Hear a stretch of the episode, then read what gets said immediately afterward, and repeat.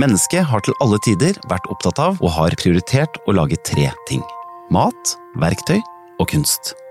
Hva er det som gjør at kunst er så viktig for mennesket? Hvordan påvirker det oss og samfunnet vi er en del av? Og hvordan tenker og jobber en kunstner? Hver gang staten bygger noe, settes det av penger til kunst. KORO, Kunst i offentlige rom, gir også ut prosjektmidler man kan søke på hvis man har en god idé. Koros kunst befinner seg på steder der folk ferdes og oppholder seg.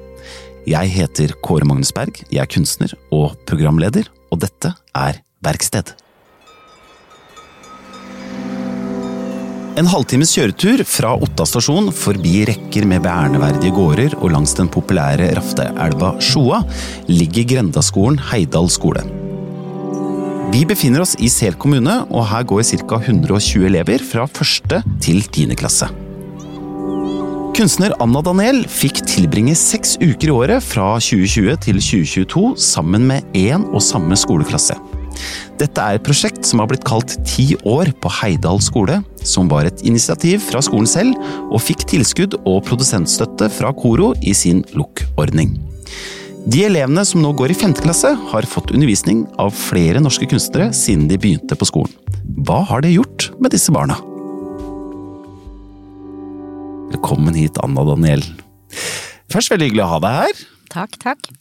Eh, du er kunstner som jobber med mange forskjellige og ulike uttrykk. Du jobber med skulptur, men også med tekst, film, performance og fotografi.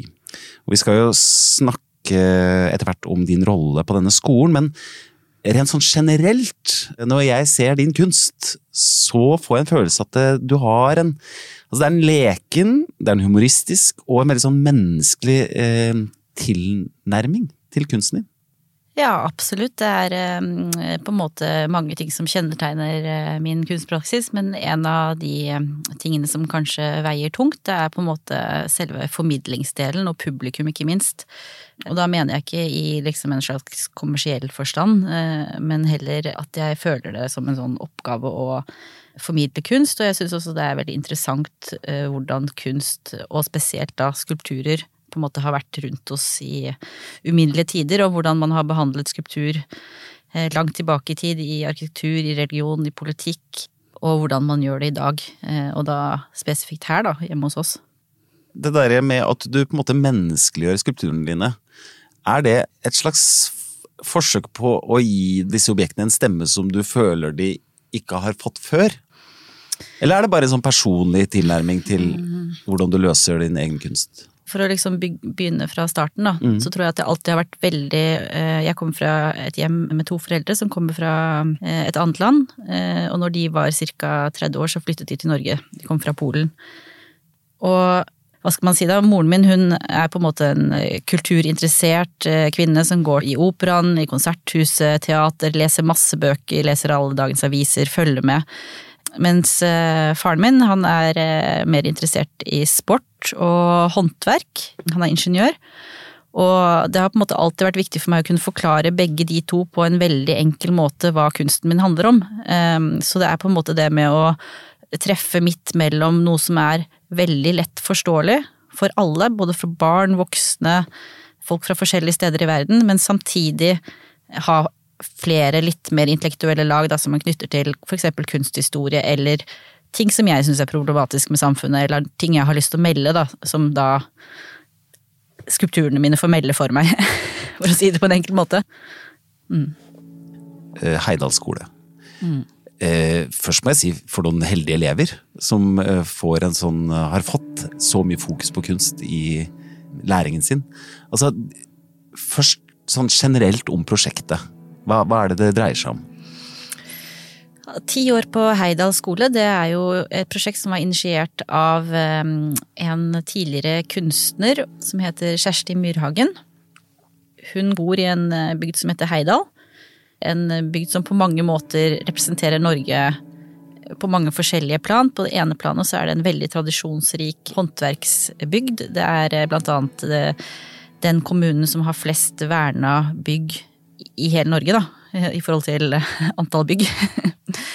og du har disse kjente rosetreskjæringstradisjonene.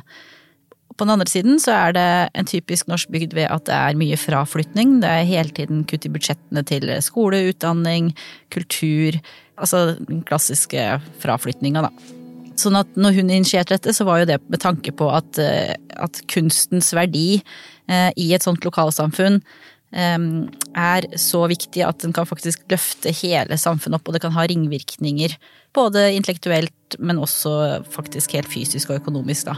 Så jeg tror det er det som kanskje er bakgrunnen. Og så er det også en ting som skiller dette prosjektet merkbart fra andre prosjekter som handler om kunstformidling til barn kunstneren blir invitert til å komme og være som han er. Han har, det er ikke noe krav om at jeg skal lære opp barna til noe som helst spesifikt. Mm. Jeg kommer med mitt kunstnerskap og min erfaring, og så må jeg selv finne ut av hvordan måte, barna kan være med i mitt kunstnerskap i løpet av den tiden jeg er her. I motsetning til at jeg står på en måte og har et helt konkret prosjekt. Nå skal vi lage lilla blomsterposer, jeg vet ikke. I kunstprosjektet skal ti kunstnere følge én klasse gjennom hele grunnskolen. Ambisjonen er å gjøre kunst til en del av elevens læringsprosess, språk og kompetanse. Hver kunstner tilbringer tre uker hvert semester i en periode på et halvt til to år på skolen.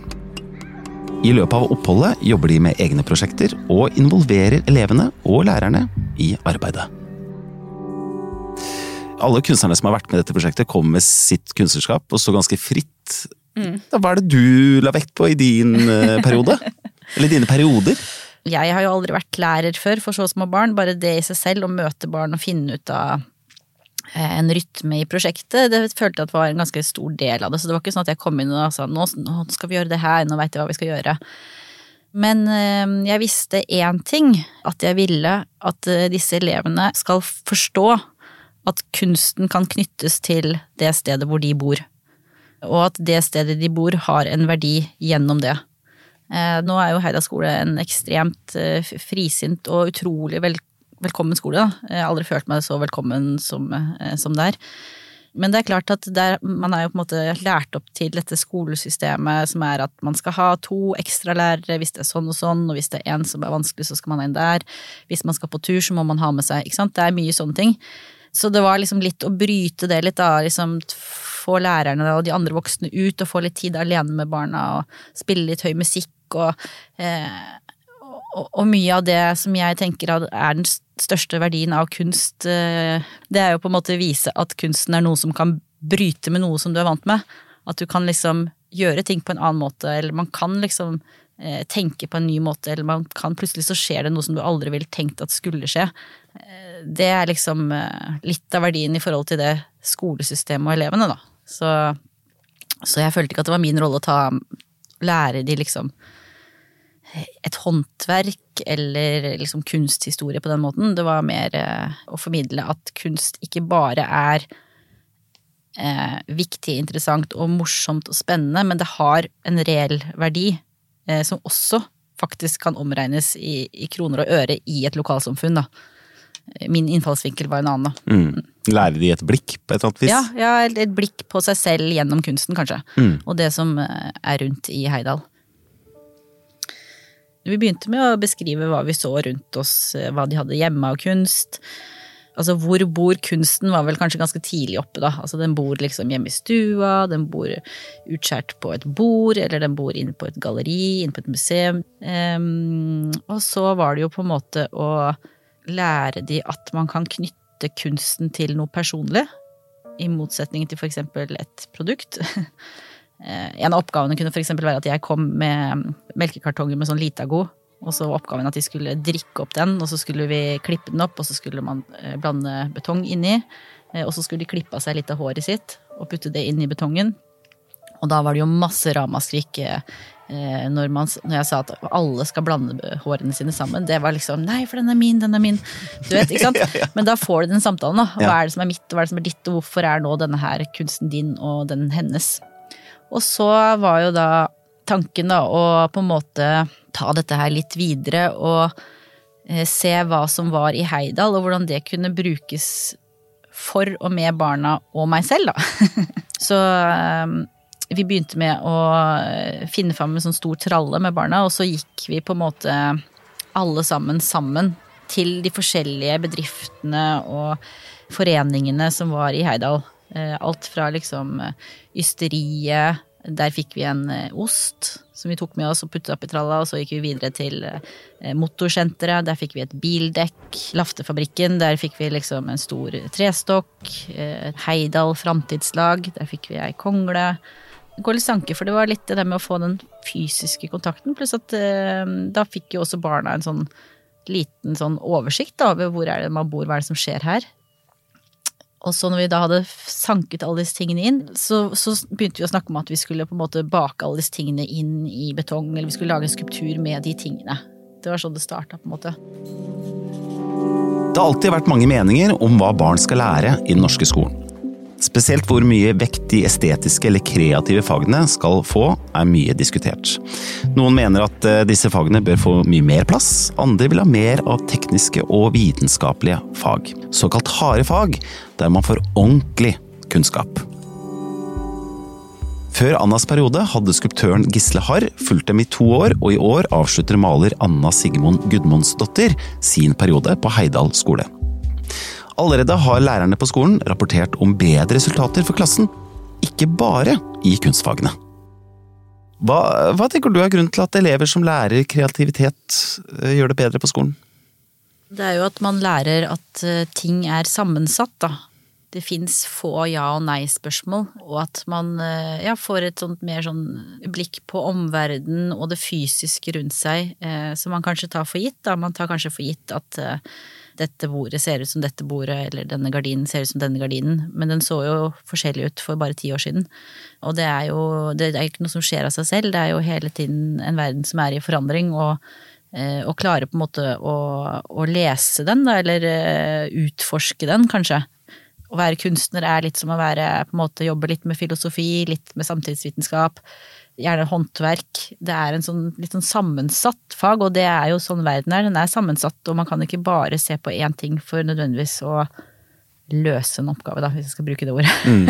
Men er det, er det en Altså Det er nå én ting. Er ting. Det andre ja. er jo på en måte selve eh, kulturarven da, og identiteten. At man faktisk kan føle en større egenverdi ved å tilhøre en, en kultur. Da. At man liksom får en slags bevissthet rundt og spesielt kanskje i dag hvor på en måte eh, det er veldig lett å se kultur fra hele verden, og det er masse, masse positivt med det. Det er kjempebra, men det gjør også at man mister kanskje litt av den lokale kulturen da, som er rundt omkring i verden. Eh, at det blir kanskje litt mer utvanna. Som, som, gjør at kanskje noen håndverk faktisk går tapt, da, sånn som i Otta, da, som er et typisk tilfelle i Sel kommune, hvor det på en måte ikke fins noe Eh, klebersteinsbrudd lenger, eller skifersteinsbrudd, sånn som det har vært i alle tider. Da. Eh, den på en måte kunnskapen, den er borte i Norge, så å si. Kanskje hvis det var i ytterste konsekvens, da. Hvis det var liksom eh, et lite kunstakademi i Otta, så kanskje noen hadde ropt litt høyt da når de begynner å legge ned noe som egentlig er arbeidsplassen til veldig mange i den kommunen. Mm. At, at, man kan prøve å finne en annen løsning enn at det er et utenlandsk firma som kjøper opp bruddet og som ikke bruker det i det hele tatt. Altså jeg tror 100% og det har jeg sagt før når jeg har undervist på prosjektskoler og andre hvor yngre elever, ikke barn.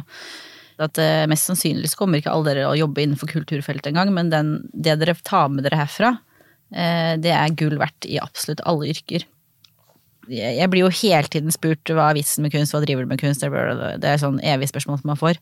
Eh, og da må man selvfølgelig se an hvem det er som spør, men en ting som jeg kan svare er at eh, jeg tror ikke noe på at du ikke bryr deg om kunst. Eh, fordi du kjører den og den bilen som er sånn og sånn utforma og har den og den fargen. Det er ikke tilfeldig. Det er ikke tilfeldig at den bilen er skulpturert på den måten og at du velger akkurat den. Mm. Eh, så du kan ikke, på en måte, man kan ikke si at man ikke er interessert i kunst, Nei. fordi det henger sammen med alt, alt det fysiske og estetiske vi omgir oss med. Små barn gir ofte liv til det de leker med, om det er en kongle i skogen eller bestikket ved middagsbordet, døde ting som plutselig får sjel og en stemme. Slik jobber også Anna Daniel mye i sin egen kunst, ved å f.eks. puste liv inn i skulpturer.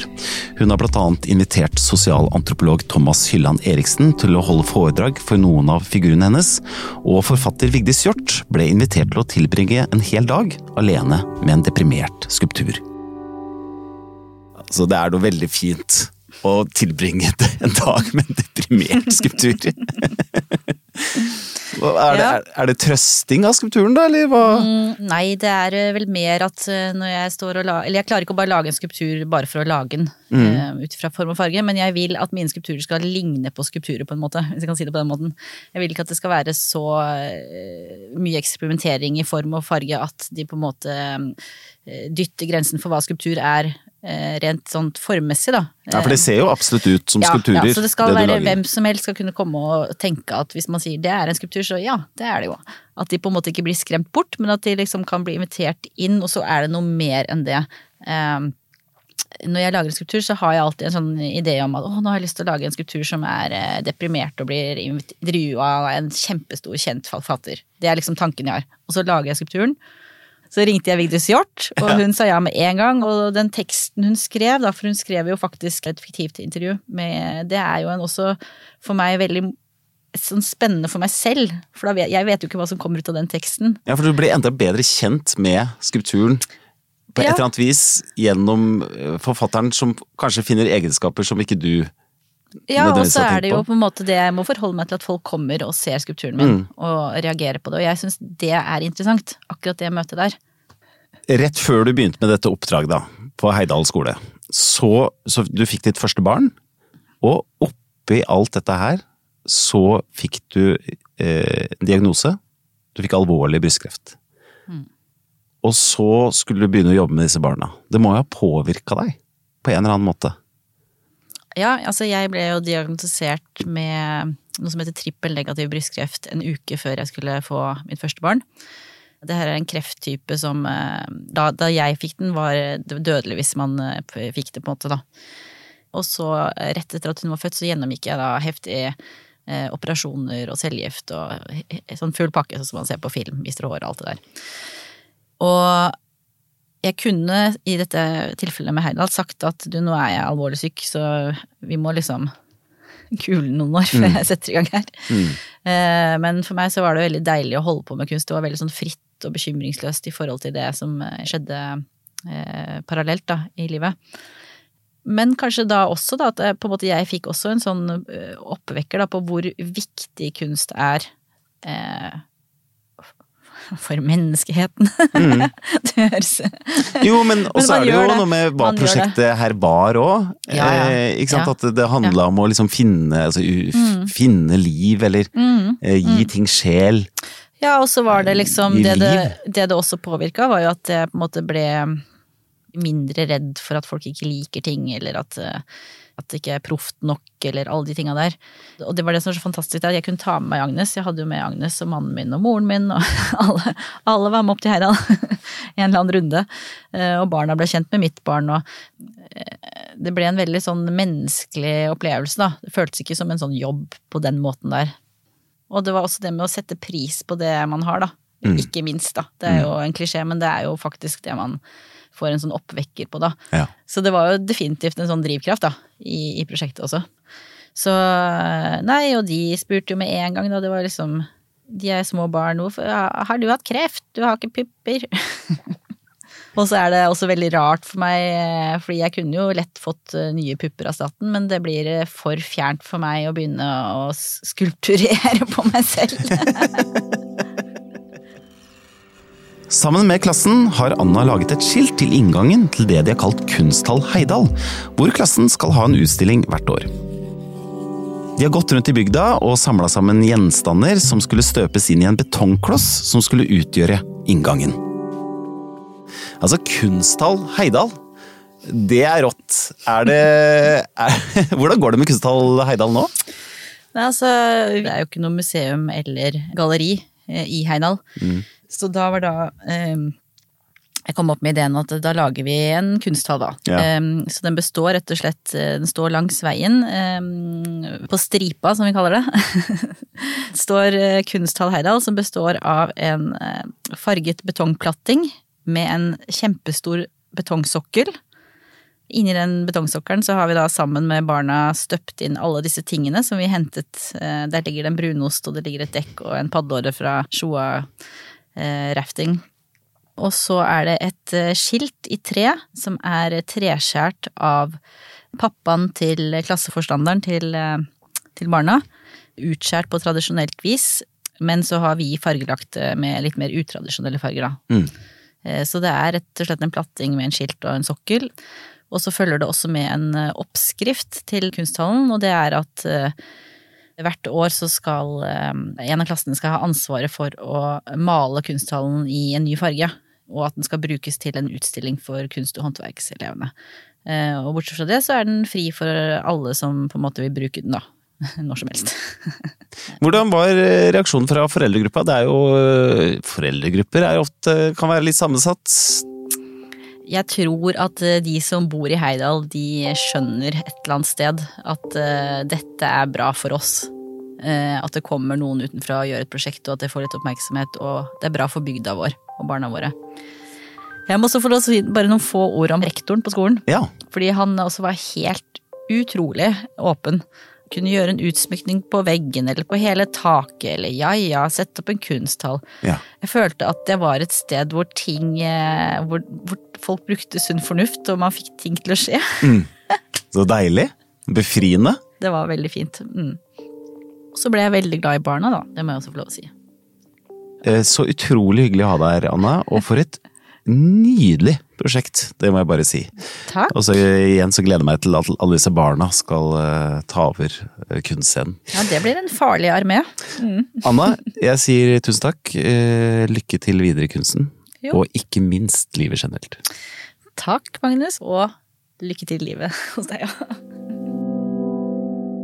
Denne podkasten er produsert av Feelgood scene, film og TV for Koro, og er laget av Anna Katarina Haukland, Ann Lisbeth Hemmingsen og Maria Havstam fra Koro.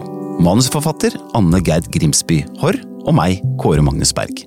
Episoden er klippet av Thomas Olaisen. Produsent er Miriam Ofsdal Berg.